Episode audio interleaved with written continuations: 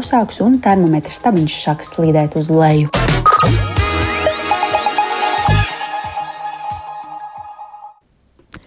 Ir 12,5 minūtes un laiks raidījumam pusdiena, tajā par šīs dienas 17. janvāra norisēm plašākā izklāstā. Studijā Dācis Semenoviča, esiet sveicināti! Jēkabpilī ūdens līmenis Daugavā turpina kristies un plūdu skartā pilsēta pamazām atgūstas no piedzīvotā nedēļas nogalē. Sākta plaša ūdens atsūknēšana, Daugavas labāk rastiedzīvotāji varēs atgriezties mājās un evakuācijas zonu šodien Jēkabpilī varētu samazināt. Esam sazinājušies ar kolēģi no Latvijas radio Latgales studijas Lauru Ieviņu. Sveika, Laura! Labdien, labdien, klausītāji! Ko saka iedzīvotāji, kuri ir atgriezušies mājās? Um, kas ir tas, ko viņi ierauga savās mājās? Uh, nu jā, ir tā, ka jau no vakardienas pilsētas labā krasta iedzīvotāji Krustpils pusē bija aicināti atgriezties savās mājās. Uh, šobrīd atrodos krasta ielā. Uh, krasta iela vet tieši gar pašu Daugavu, uh, un uh, te ir vairāk tāds privātmāju rajons. Pastaigājot pa šo rajonu, es sapratu, ka tomēr lielākā daļa nemaz nebija evakuējušies, viņi bija palikuši mājās, tā kā vēroja situāciju, nogaidīja, un uh, tikai tādā gadījumā, ja ūdens plūstu jau istabā, tikai tad viņi bija gatavi evakuēties. Uh, bet, uh, protams, daļa bija arī tādi, kas bija aizbraukuši, bet vienalga nāca atpakaļ un, un skatījās, kā, kā klājas mājai, vai ūdens uh, jau, jau nav pietuvojies slieksnim. Īstenībā Daugavas labais krasts ir cietis daudz mazāk, jo Daugavas labais krasts ir arī augstāk. Līdz ar to tas ūdens te nav apūzinājis plašas teritorijas, vismaz te krasta ielā, kur es esmu. Uh, un uh, mājas nav cietušas, ir aplūduši pagrabi, bet uh, īstenībā tad, kad es biju aizbraukusi uz kreiso krastu, uz privātu māju rajonu, tur daudz vairāk varēja redzēt, kā rosās cilvēki, kā uh, strādā pumpji un viņi mēģina to ūdeni no pagrabiem at, atsūknēt. Bet šeit īstenībā, izējot visu gandrīz krasta ielu, es nemanīju, ka būtu kāds pumpis privātmājā, kas strādātu un darbotos. Un iedzīvotāji neizrādīja īpašas bažas, um, viņi bija gana mierīgi, nosvērti, acīm redzot, patiešām pieraduši varbūt pie tās situācijas, ka Daugava bieži nāk uh, klāt. Uh, vienīgais ir tā, ka lielākā daļa no viņiem lieto centralizēto ūdens uh, centralizēto kanalizācijas sistēmu. Satiku gan vienu vīrieti, kuram bija decentralizētā Uh, kanalizācijas sistēma, un tas var radīt problēmas. Tā kā es sazinājos arī ar Jēkabpils ūdeni, nu aptuveni 90% iedzīvu, pilsētas iedzīvotāji lieto centralizēto kanalizāciju, un 10% joprojām ir de decentralizētā. Līdz ar to pastāv bažas, nu, ka tas ūdens sekās varētu būt piesārņots, un viņi aicina to nelietot. Viņi aicina izmantot um, ūdeni no centrālās kanalizācijas sistēmas. Ir arī radīti atvērti divi brīvkrāni. Uh, līdz ar to, nu jā, bet, uh, bet kopumā tiešām iedzīvotāji uh, izrādīja tādu mm, nosvērtību, mieru, viņi priecīgi, ka ir mājās, priecīgi, ka situācija ir normalizējusies. Jā. Un varbūt varam arī paklausīties, tad, ko tad viņa man šodien teica. Jūs eh, pie paša dambja? Jā, jā. Nu, es šodien atbraucu. Nu, man istabā ūdeni nav. Vienīgi pagrebs pilns. Kā ir ar kanalizāciju, ar toliti, ar ūdeni? Normāli. Jums ir vietējā kanalizācija, aka varbūt? Nē, nē mums ir ūdens, ir no nama pārvaldes, kā nāk viss. Jūs bijāt evakuējies? Nu, nē, principā. Arī tad, kad ūdens līmenis bija visaugstākais, jūs bijāt tepat? Jā, otrā stāvā. Teica, ka esot bijušas problēmas ar, ar ūdens tīrību un kanalizāciju. Mums ir kanalizācija tādā. Centralizētā? Jā. Tad jums nav bijis problēmu ar ūdeni? Pagaidām, nē. Kā jums ar kanalizāciju? À, kanalizācija sasista, tur plūdi iet nevar uh, izmazgāt tur uh, drēbes, nevar rūkos pamazgāt, viņš izsit ārā. Jā, dzirdējām Jēkabils iedzīvotājus un paldies arī Latgales studijas kolēģei Laurai Ieviņai. Jā, vienīgi gribēju vēl piedost, ka šobrīd aktīvi iedzīvotāji zvana un interesējas par kompensācijām, ko varēs saņemt no uh, pašvaldības vai valsts, uh, taču pašvaldība atgādina un lūdz cilvēkus nogaidīt, ka viņi informēs par šīm iespējām saņemt kompensācijas tikai tad, kad plūdu, uh, plūdi jau būs beigušies uh, un tās plūdus sekas būs novērstas. Jā, paldies, tik tā Laura Ieviņa, un runājot par pašvaldību, tad pašvaldība strādā pie tā, lai pēc iespējas ātrāk savestu pilsētu kārtībā un cilvēki varētu atgriezties savās mājasaimniecībās. Tāpēc esam sazinājušies arī ar Jēkabils domas attīstības pārvaldes vadītāju Ilmāru Lukstu. Labdien! Labdien! Kas ir tie aktuālākie darbi šajā brīdī pašvaldībai?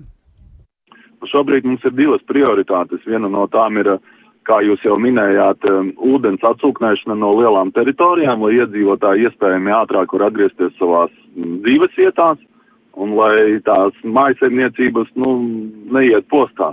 Otra prioritāte ir turpināt aizsargu vaļņa uzbēruma kā, stiprināšanas darbus. Jā, vai pie jums vēršas arī iedzīvotāji ar palīdzības eh, prasījumiem? Iedzīvotāji vēršas, jā, gan ar palīdzības prasījumiem, tāpat tās arī vēršas ar palīdzības piedāvājumiem. Iedzīvotāji aktīvi grib iesaistīties arī kopīgi, kopīgi kopējos darbos. Kuras ir tās vietas, kur iedzīvotāji vēl nevar atgriezties mājās? Tas ir Pļaviņu ielas um, rajons, kurš ir um, augšpus pilsētas, nu, pret straumi uh, uz Bebru pusi Pļaviņu ielā. Tā vienkāršāk ir. Jā, tā tad tur vēl iedzīvotājiem ir jāpie, jāpaciešas, lai atgriežo, atgrieztos savos īpašumos.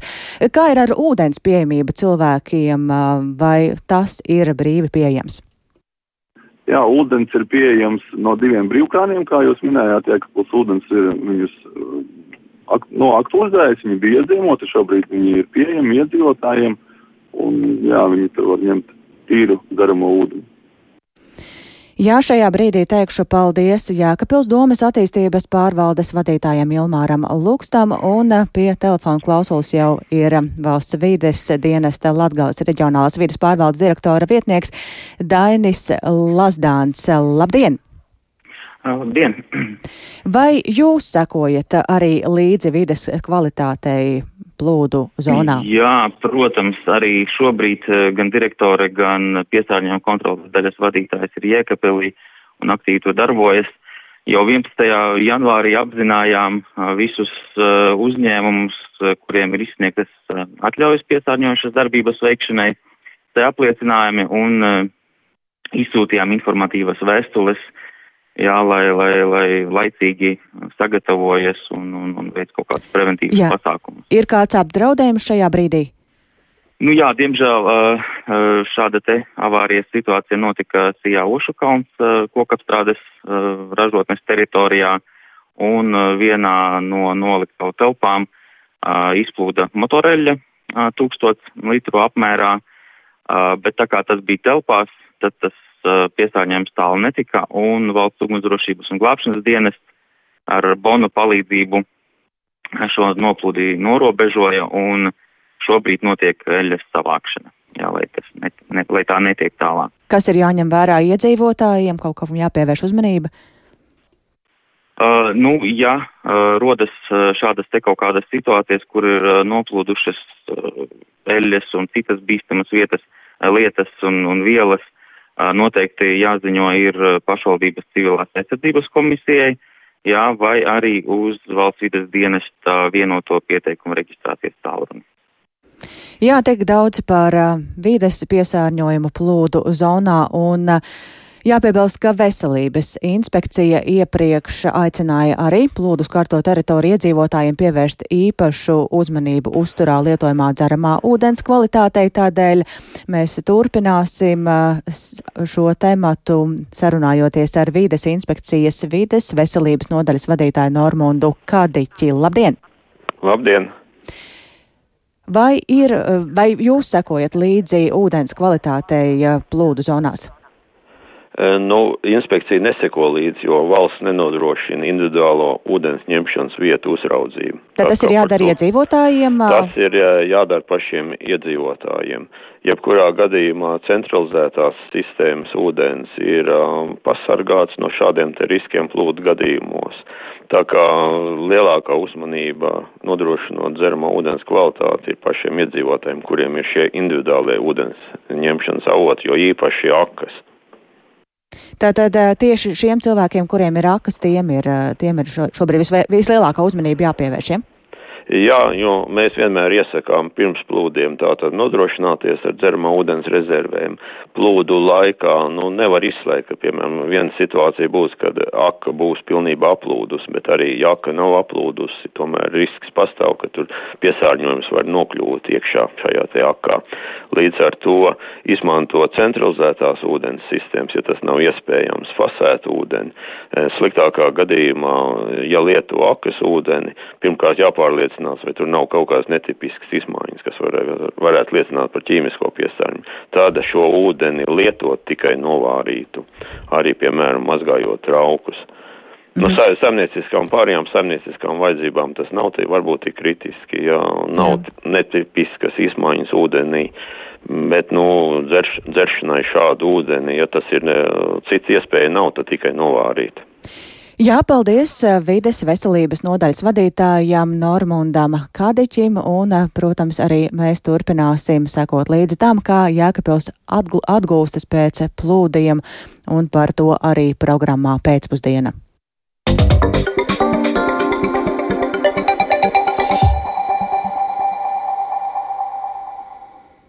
Šobrīd ir sākusies valdības sēde, kur viens no jautājumiem ir par ārkārtējās situācijas pagarināšanu uz Latvijas-Baltkrievijas robežas. Kā šorīt kolēģiem Martai Skujai un Laurim Zvēniekam uzsvēra iekšlietu ministrs Māris Kučinskis no apvienotā saraksta, tad tā ir jāpagarina. Un turpinājumā varam paklausīties Kučinska pamatojumu, kādēļ tas darāms.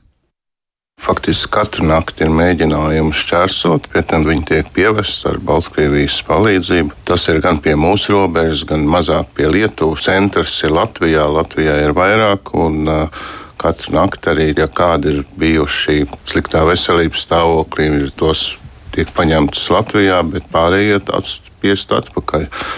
Tā, tā ir jau tāda pierasta hibrīda kara epizode, un tas turpinās. Tāpēc mēs uzskatām, ka nekas ar Baltkrieviju nav beidzies. Mēs to nevaram saukt par kaut kādu jauno normalitāti, ka mēs tagad visu varam atcelt un sākt savādāk diskutēt. Un kamēr būs Lukašenko, kamēr Baltkrievija būs šādā situācijā, mēs uzskatām, ka šādai ārkārtas situācijai ir jāpaliek. Tāpat spriež arī lietuvieši, un es vēlreiz varu teikt, ka mums ir ļoti jāsinhronizē savas darbības ar Lietuvas iekšlietu ministrijā, Lietuvas robežsargiem, jo mēs ļoti labi apzināmies, ka šis skaits, kas varbūt ir vakar astoņi vai aizvakar ar apmēram tāds skaits, kas mēģina cilvēku, tad viņš, protams, desmit un simtkāršosies. Mēs nevaram būt caurums. Tā ir mūsu drošība, tas ir mūsu eksistences jautājums. Par kuru valsts piedarīgajiem ir runa šai sakrā? O, eritrejieši, afgāņi, nu, faktiski tie ir cilvēki, kur nekādā ziņā nebēg no kaut kādām represijām vai vajāšanas. Tie ir ekonomiskie bēgļi, jo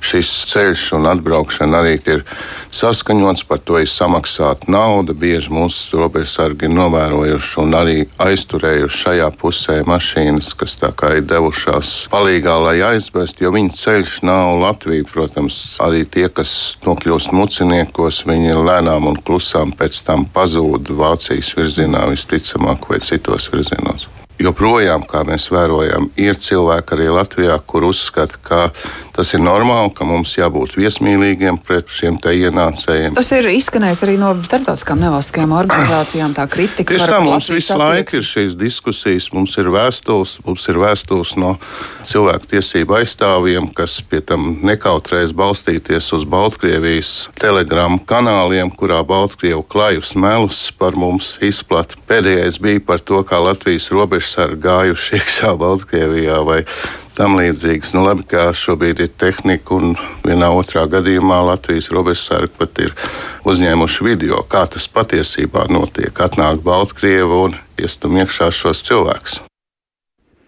Un turpinot par Baltkrieviju, tai šodien ir uzmanība pievērsta arī tāpēc, ka Minskā ir sākusies prāva, kurā aizmuguriski tiesā bijušo Baltkrievijas prezidenta amata kandidāti un tagad trimdā dzīvojošo Baltkrievijas demokrātisko spēku līderi Sjatlānu Cihanovsku un vairākus viņas sabiedrotos. Opozicionārus apsūdz virknē nopietnu likuma pārkāpumu, par kuriem draud bargs sots. Cihanovska tiesas procesu ir nodēvējusi par farsu un Baltkrievijas autoritāti autoritārā vadītāja Aleksandra Lukašenko personīgu atriebību. Vairāk par to stāsta Uldis Česberis. Šodien uzsāktais tiesas process ir vērsts pret Baltkrievijas opozīcijas izveidotās koordinācijas padomes locekļiem Svjatlanu Cihanovsku, Pāvelu Latuško, Māriju Morozu, Olgu Kovaļkovu un Sergeju Diļevski. Viņiem ir izvirzīts liels skaits apsūdzību, tostarp par sazvērestību ar mērķi sagrābt varu valstī, ekstrēmistu grupējuma izveidošanu un gatavošanos dalībai masu nemieros. Visi apsūdzētie pašlaik atrodas ārvalstīs, tāpēc neviens no viņiem tiesā neieradās. Lietuvā dzīvojošā Cihanovska ir paziņojusi, ka ar šo prāvu Baltkrievijas vadītājs Aleksandrs Lukašenko atriebies ne tikai viņai, bet visiem Baltkrieviem, kuri protestēja pret 2020. gadā notikušo prezidenta vēlēšanu viltošanu. Diktators nesaprot, ka problēma nav manī, bet viņā. Viņš zaudēja vēlēšanās, sagrāba varu, arestēja cilvēkus, pārdeva Baltkrievijas suverenitāti Krievijai un ievilka mūsu valsti karā. Kopš 2020. gada tiesu sistēma ir kļuvusi par represiju un terora mašīnu. Aizmuguriskas prāvas, kurās cilvēki nevar sevi aizstāvēt, pārkāpj mūsu pilsoņu fundamentālās tiesības un brīvības. Šajā situācijā nav iespējams sagaidīt taisnīgumu. Cihanovska apgalvo, ka viņai nav bijusi iespēja iepazīties ar tiesas materiāliem, bet mēģinājumi sazināties ar valsts piešķirto advokātu bijuši nesekmīgi. Politiķei nav zināms, cik ilgi šī prāva norisināsies, bet Cihanovska ir pārliecināta, ka viņai piespriedīs daudzus gadus cietumā. Tāpēc viņa bažījies, ka Lukašenko režīms varētu izdot starptautisko orderi viņas aizturēšanai un atņemt viņai Baltkrievijas pilsonību un anulēt pasi. Vēl viens apsūdzētais šajā lietā Pāvels Latuško aizmugurisko tiesas procesu ir nodēvējis par cirku. Ulris Česberis, Latvijas radio.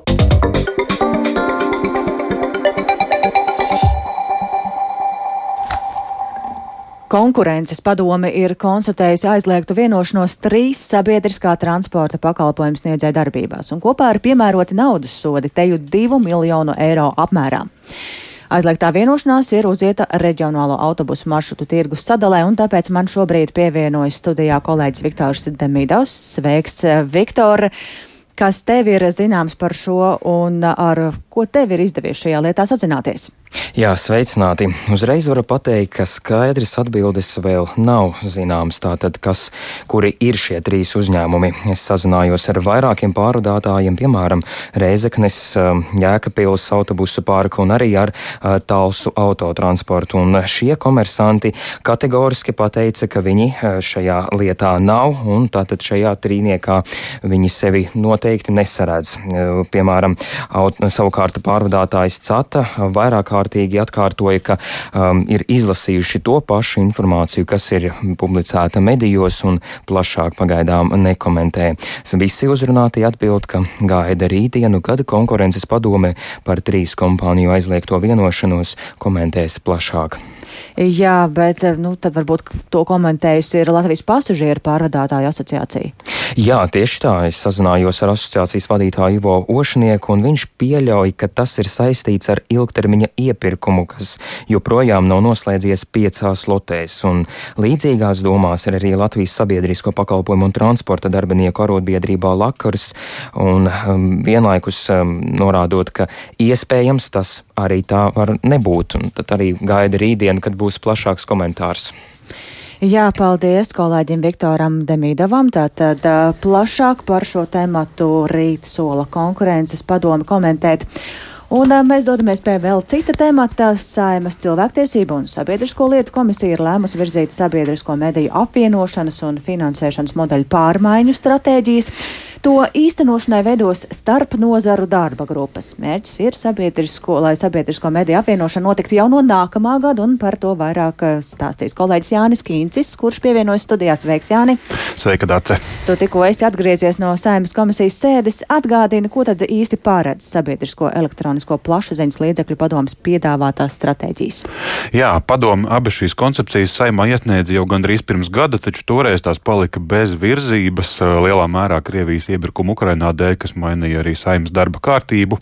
Un pērn novembrī precizējot atsevišķas lietas koncepcijas iesniegtas atkārtoti, tātad tās paredz, ka Latvijas televīzija un Latvijas radio Un arī interneta portāls kā vienot sabiedriskais mēdījis darbu sāktu jau nākamā gada sākumā. Lai tas notiktu, šogad pavasarī jāgroza sabiedrisko mediju likums un paredzēt paredzēts, ka taptu viena juridiska persona ar vienotu vadību, maksimums pieciem valdes locekļiem, saglabātos visas trīs platformas - Latvijas radio, Latvijas televīzija un interneta vietne LSM LV kā atsevišķas.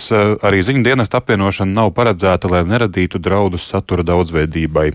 Taču apvienotajā mēdījā paredzēts veidot satura attīstības centru, kur platformas apmainītos ar sadarbības idejām, ko padomes vadītājs, sabiedrisko mediju padomes vadītājs Jānis Siksnis nosauca par jaunā piedāvājuma sāli galveno akcentu, un apvienošana nozīmētu arī vienotu atalgojumu modeļu izstrādi un daudzus citus jautājumus. Siksnis uzsvēra, ka lielākā sabiedrisko mediju problēma ir finansējums, tāpēc uh, otra koncepcija paredz finansējumu modeļu maiņu, paredzot uh, daļu kādu iespēju atsevišķu nodokļu, akcijas nodokļu vai iedzīvotāju ienākumu nodokļa ieņēmumu novirzīšanu apvienotā sabiedriskā mediju budžetā. Tas ļautu īstenot arī plānu par Eiropas sabiedrisko mediju vidējā līmeņa uh, sasniegšanu finansējumu jomā. Šo plānu virzību atzinīgi vērtē arī abu sabiedrisko mediju vadība. Varam paklausīties, ko teica Latvijas radio valdes locekle Ieva Aile un uh, Ivars Priedi no Latvijas televīzijas vadības. Apvienošanu Latvijas radio ciešā mērā gribētu redzēt kopā ar finansējumu palielināšanu, jo pretējā gadījumā to arī darbinieki ir pauduši vienkārši apvienošanai nav jēgas. Skaidrs, ka arī īstermiņā iegūmi būtu. Patiesībā mums jau šodien vajadzētu spēt vienoties, ka tos ļoti ierobežotos resursus, kas ir Latvijas rādio un Latvijas televīzijas rīcībā, mēs apvienojam un virzam mērķiecīgi, liederīgi vienā gultnē. Jo attīstot diviem mēdījiem paralēlas pasaules, skaidrs, ka līdzekļi ir nepietiekami, lai mēs izdarītu labas lietas un tiešām uzrunātu jauniešu pēc būtības. Atslēgas vārds tam visam, ko padomu stāstīja, jau izskanēja, tā ir sadarbība.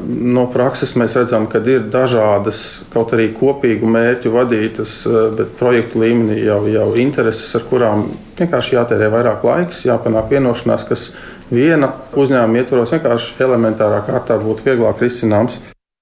Vēl pavisam īsi piebildīšu, ka ik viens, kurš komisijas sēdē par šo tēmu izteicās, runāja visai lielā vienprātībā, ka med, sabiedrisko mediju apvienošana beidzot būtu veicama. Attiecīgi taps darba grupa, kurā iesaistīsies dažādi institūciju pārstāvji.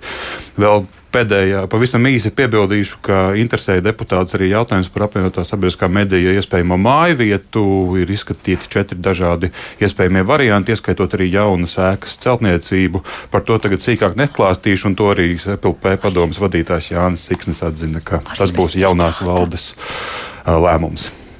Jā, paldies Jānim Kīncim un vēl pavisam īsi par jauno, jauniešiem, lai noskaidrotu jauniešu noskaņojumu par ekonomiskajiem procesiem valstī, kā arī to, kas to ietekmē. Šodien iepazīstinās Latvijā pirmās jauniešu noskaņojuma aptaujas rezultātiem. Pavisam īsi par tiem izstāstīs kolēģi Agnija Lazdeņa. Sveika, Agnija! Ko tu zini par šiem aptaujas rezultātiem? Sveika, Dācis! Sveika, klausītāji! Jā, tātad uh, aptaujas rezultāti liecina, ka kopumā jaunieši redz savu nākotni Latvijā visai pozitīvu, un uh, apmēram 26% no jauniešiem domā par iespējām meklēt darba iespējas ārpus Latvijas, un, uh, un tas, kas ir tāda pozitīvā tendence, ir tā, ka viņi savu nākotni un savus nākotnes panākumus balsta tieši uz šīm zināšanām, gan uz esošajām, gan arī uz tām, kuras vēl plāno iegūt. Un, un es arī šodien devos uh, uzrunāt jauniešu Rīgas ielās, lai papildus dzirdētu viņu domas, un arī viņi man atzina to, ka.